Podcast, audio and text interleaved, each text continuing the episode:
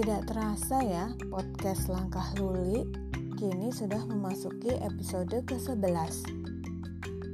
Kali ini saya akan berbagi cerita tentang pengalaman pentingnya untuk waspada saat berkelana, khususnya ketika berada di tempat yang baru pertama kali kita kunjungi.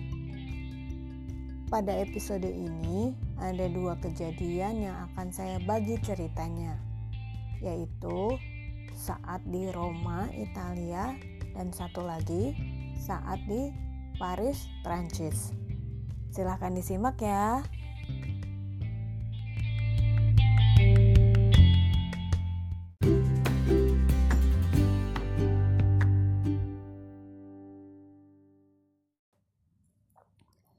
Kejadian ini berlangsung saat saya berkelana ke Eropa bersama sahabat saya Dian di tahun 2012.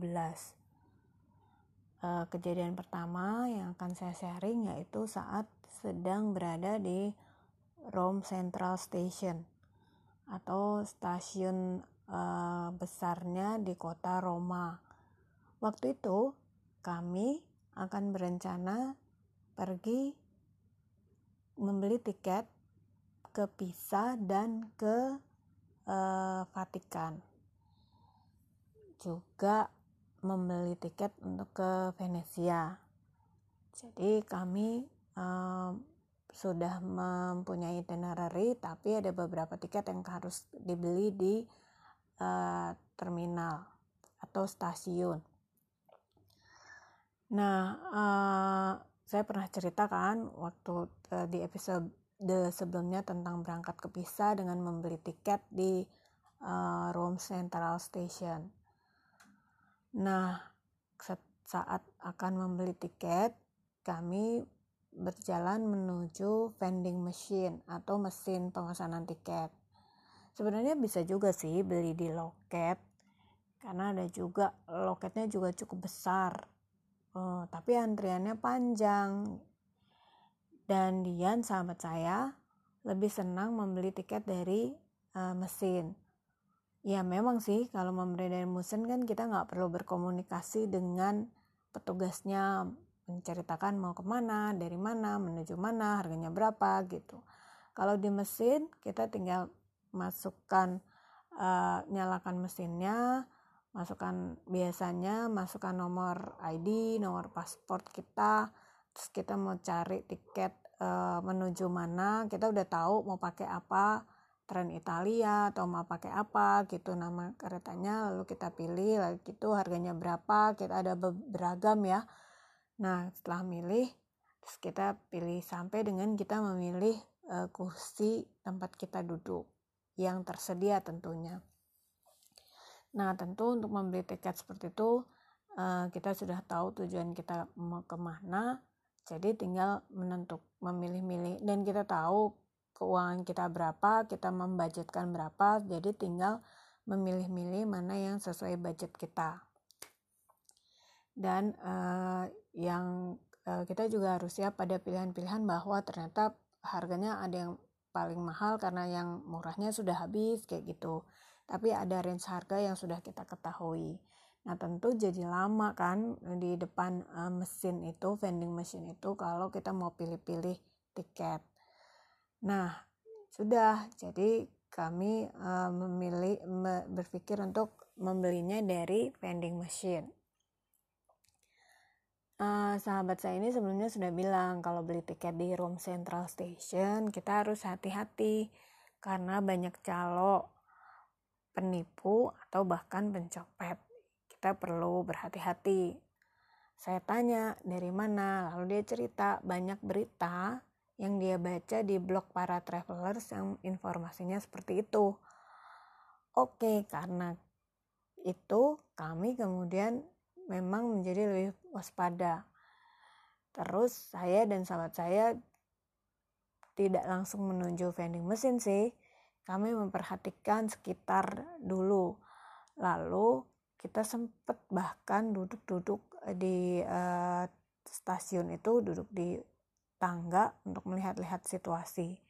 Dan benar, kami melihat ada beberapa orang yang kelihatannya mencurigakan. Uh, mereka berdiri-diri sekitar uh, jejeran atau deretan vending machine. Tidak cuma satu orang, ada beberapa orang dan sepertinya mereka berkomplot ya, ada laki-laki dan ada perempuannya juga. Uh, kami perhatikan modusnya mereka akan mendekati para turis asing, para turis yang yang berjalan menuju vending machine atau sedang mengoperasikan mesin tiket itu, mesin pembeli tiket. Biasanya mereka mencoba menawarkan untuk menolong, memencetkan mesin itu mau ke mana mau ke mana gitu. Lalu setelah selesai mereka meminta uang pada uh, orang yang dibantunya, tanda kutip ya, dibantu. Dan sepertinya mereka meminta uang agak banyak karena apa saya perhat kami perhatikan ada yang ketika memberikan terus mukanya jadi gimana? Jadi setengah memaksa. Dan uang hasil mereka dapatkan itu lalu mereka apa sampaikan ke rekan-rekannya yang lain gitu. Kayak bagi-bagi. Mungkin kalau dalam kita yang di Indonesia kayak dipalak gitu. Atau ditembak atau ya dipalak sih kata yang lebih tepat. Nah, nah modus yang lainnya mereka mengganggu konsentrasi orang-orang yang membeli tiket lalu mengalihkan perhatian ada nanti teman yang lain itu merogoh-rogoh uh, tas uh, dari para turis itu jadi ya sem semacam pencopet ya selain juga calo mereka juga pencoleng gitu Nah, kami memperhatikan sih uh, seperti itu. Setelah kita cukup mengetahui uh, siapa saja orang-orangnya, oh itu itu itu gitu. Saya dan itu. Ya udah, uh, yuk mau sekarang gitu kata uh, Dian sahabat saya. Yuklah kita udah tahu kan ininya dan kita sudah tahu kita mau ke mana mau ke mana jadi kita menuju vending machine atau mesin tiket itu dan benar saat uh, kita mendekat itu salah seorang dari mereka menghampiri kita can I help you uh, where are you going? Gitu, gitu mereka nanya um, mau dibantu nggak? Mau pergi ke mana? Gitu. Uh, dengan bahasa Inggris yang lancar dan logat Italia. Saya, sahabat saya langsung bilang no no no gitu. Saya pun bilang juga no we are fine. We can do it ourselves kita bis kita nggak apa-apa kok. Kita bisa kita bilang gitu. Setelah setelah menyatakan itu mereka pun mundur dan menjauh. Mereka memang tidak memaksa tapi terus mundur. Dan mungkin karena kami berdua jadi mereka tidak mengganggu. Tapi mereka kemudian menghampiri uh, orang yang akan membeli tiket juga di vending machine sebelah kami. Uh, seorang bapak dan ibu yang sedang yang mencoba juga untuk membeli tiket. Beruntungnya dua pasang lelaki ini tidak menggubris. Dua pasang lelaki maksud saya dua pasang uh, sepasang laki-laki dan perempuan ini tidak menggubris sehingga hmm, tidak terjadi apa-apa terhadap mereka berdua setelah saya selesai setelah kami berdua selesai memesan tiket mendapatkan tiket yang akan kita bawa dan si bapak dan ibu juga ada mereka berdua menoleh juga pada kami dan seperti memberi tanda bahwa uh, memberi kode bahwa kita baik-baik saja dan mereka itu pengganggu sepertinya uh, bapak dan ibu ini juga tahu soal uh, calo dan uh, apa namanya uh, pemalak di sekitar stasiun Roma Central Station itu. Jadi emang baiknya sih kita waspada ya menjaga tas atau ransel atau dompet atau tas pinggang yang kita bawa dan memperhatikan sekeliling. Setelah selesai membeli tiket, saya dan sahabat saya tidak langsung pergi. Kami menepi sejenak untuk duduk di masih di sekitar stasiun. Tapi dari kejauhan kami juga memperhatikan gerombolan uh, calo itu. Se penglihatan kami ketika ada polisi atau petugas keamanan di uh, di stasiun itu yang berpatroli jalan ber, uh, jalan kaki masuk ke dalam uh, stasiun para calo ini berlarian bersembunyi ada yang saya lihat bersembunyi di balik tembok. Dua orang bersembunyi di balik tiang besar di tengah stasiun itu di dalam stasiun itu. Polisinya me, apa meniupkan fluid sambil uh, jalan dan seperti patroli biasa. Mereka menyebar se, para calo ini menyebar dan bersembunyi masing-masing atau berpura-pura sebagai uh, orang yang sedang uh, membaca atau apa gitu Nah setelah polisinya pergi, mereka pun keluar lagi dari persembunyian dan mulai ber, bergerombol lagi di dekat vending machine. Uh, ya itu sih salah satu pengalaman saya yang pertama yang membuat membuat saya ber, menyarankan agar kita waspada ketika di tempat-tempat publik walaupun kita tahu uh, itu negara yang cukup maju ya gitu. Itu pengalaman pertama di kota Roma, Italia. Pengalaman lainnya yang kedua adalah ketika berada di Paris, Prancis. Uh, waktu itu kami diingatkan oleh uh, teman kami sendiri ketika di Paris, Prancis. Hmm, sahabat saya punya kenalan seorang warga negara Indonesia yang menikah dengan uh, seorang perempuan Indonesia yang menikah dengan warga negara pa, uh, Prancis dan tinggal di kota Paris. nah, uh, namanya Mbak Ita.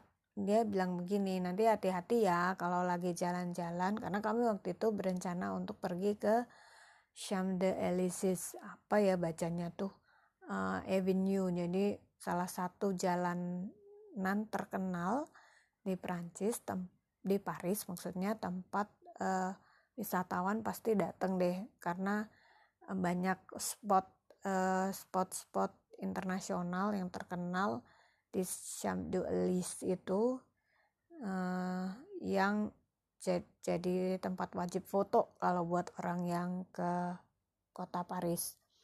Nah Mbak Ita itu bilang gini, nanti kalau turun dari kereta, keluar dari stasiun atau jalan-jalan di uh, Champs Elysees itu Avenue, Champs Elysees Avenue itu eh, hati-hati di sana banyak uh, copet, banyak tukang minta-minta yang akan maksa kalau kita kasih dan bahkan kadang-kadang uh, nyopet gitu. Nah, terus dia dia bisa laki-laki, bisa juga perempuan banyak loh yang perempuan gitu. Terus di, kami tanya ciri-cirinya apa? Biasanya eh, nggak uh, kelihatan kayak tukang minta-minta atau nggak terlihat seperti pengemis atau pencopet. Mereka itu uh, banyak yang uh, stylish apa bergaya gitu. Ada juga yang kayak gypsy gitu. Dan biasanya sih uh, Hispanic. Tapi biasanya ini nggak nggak selalu sih gitu. Ya hati-hati aja gitu. Oke lalu kami pun mm, menjadi lebih berhati-hati ketika bertemu dengan hmm, ciri-ciri yang disebutkan oleh kawan kami itu. Dan memang ternyata banyak. Uh, hampir di setiap keluar stasiun atau di pojok-pojok itu banyak tuh. Ya, beberapa sih yang menghampiri kami perempuan dan cuma kita sering kali melam, me, apa, mengangkat tangan dan ber, berkata tidak no gitu sambil mengangkat tangan kami uh, dan me, apa namanya menyatakan tidak sambil tetap berjalan lurus dan mungkin karena saya berdua sampai saya itu jadi nggak terlalu menarik perhatian juga kita kemudian menandai beberapa orang atau beberapa gerombolan yang memang terlihat sebagai pengemis atau mungkin lebih tepatnya pemalak. Uh, mereka memang agak maksa sih kalau misalnya uh, menghampiri kita dan meminta-minta. Kadang-kadang bahkan melihat orang yang diikuti. Uh, kalau misalnya diajak ngomong dan kemudian terjadi conversation, lalu kemudian di apa terjadi perbincangan kemudian diikuti. Hmm, banyak di uh, Avenue Sam Duelis itu uh, orang-orang yang digambarkan dan diinforma digambarkan seperti diceritakan oleh Mbak uh, oleh sahabat kami itu. Ada laki-laki ada perempuan. Nah karena cerita itu saya dan kawan saya sahabat saya jadi memang lebih hati-hati. Kami menghindar begitu dari jauh kalau kami melihat ada segerombolan atau dua atau tiga orang yang uh, identifikasi dan apa ciri-cirinya seperti yang di uh, sudah kami ketahui kami biasanya menghindar tidak melewati di depannya atau menghindar di belakangnya. Kadang-kadang saya dan sahabat saya bercanda karena memang tampilan mereka tidak seperti pengemis atau tidak seperti pemalak. Kita sampai uh, sahabat saya sampai bercanda begini ini eh, mbak-mbak ini kita panggil. Kalau di Indonesia pasti jadi artis nih iyalah saya bilang uh, tinggi tinggi tinggi ya. Secara postur postur mereka tinggi besar. Uh, seperti Pragawati Pragawati yang kita lihat di TV atau foto model yang kita lihat di TV apalagi di Indonesia kan uh, keturunan atau sering disebut Indo seri, banyak sekali yang jadi artis atau model. Jadi mereka itu cantik-cantik kita sambil lewat di depan mereka kadang-kadang iya nih kalau di Indonesia pasti uh, jadi uh, jadi artis nih bisa jadi artis sinetron atau jadi model hanya bercanda saja sambil berlalu tapi kami menandai bahwa uh, iya ya uh, orang-orang ini seperti ini seperti yang diceritakan uh, kawan kami. Belum lama saya melihat juga itu per, uh, peristiwa uh, pengalaman saya baik di Italia dan di Perancis ini terjadi pada tahun 2012. Di 2019 kalau saya nggak salah sempat viral uh, video di di di berbagai sosial media warga negara Filipina kalau nggak salah Filipina sedang berjalan-jalan di Eropa sambil menggunakan uh, apa um, kameranya ponselnya selfie uh, video gitu mem memvideokan dirinya menggunakan um, monopod. Dan ketika dia balik uh, apa namanya dompetnya hilang. Ternyata dari rekaman uh, selfie-nya terlihat ada empat perempuan berjalan di belakangnya yang mengambil dompetnya dan me, apa, me, memberikan pada rekan-rekannya sehingga kemudian uh, sambil kemudian mereka pergi. Ya itu persis seperti yang saya lihat ketika saya di Paris. Oleh karena itu kalau sedang berjalan-jalan mau di mana pun sih sepertinya di Eropa kota yang apa eh, benua yang kita anggap aman itu ya tetap saja kita harus waspada. Begitu sih cerita saya kali ini.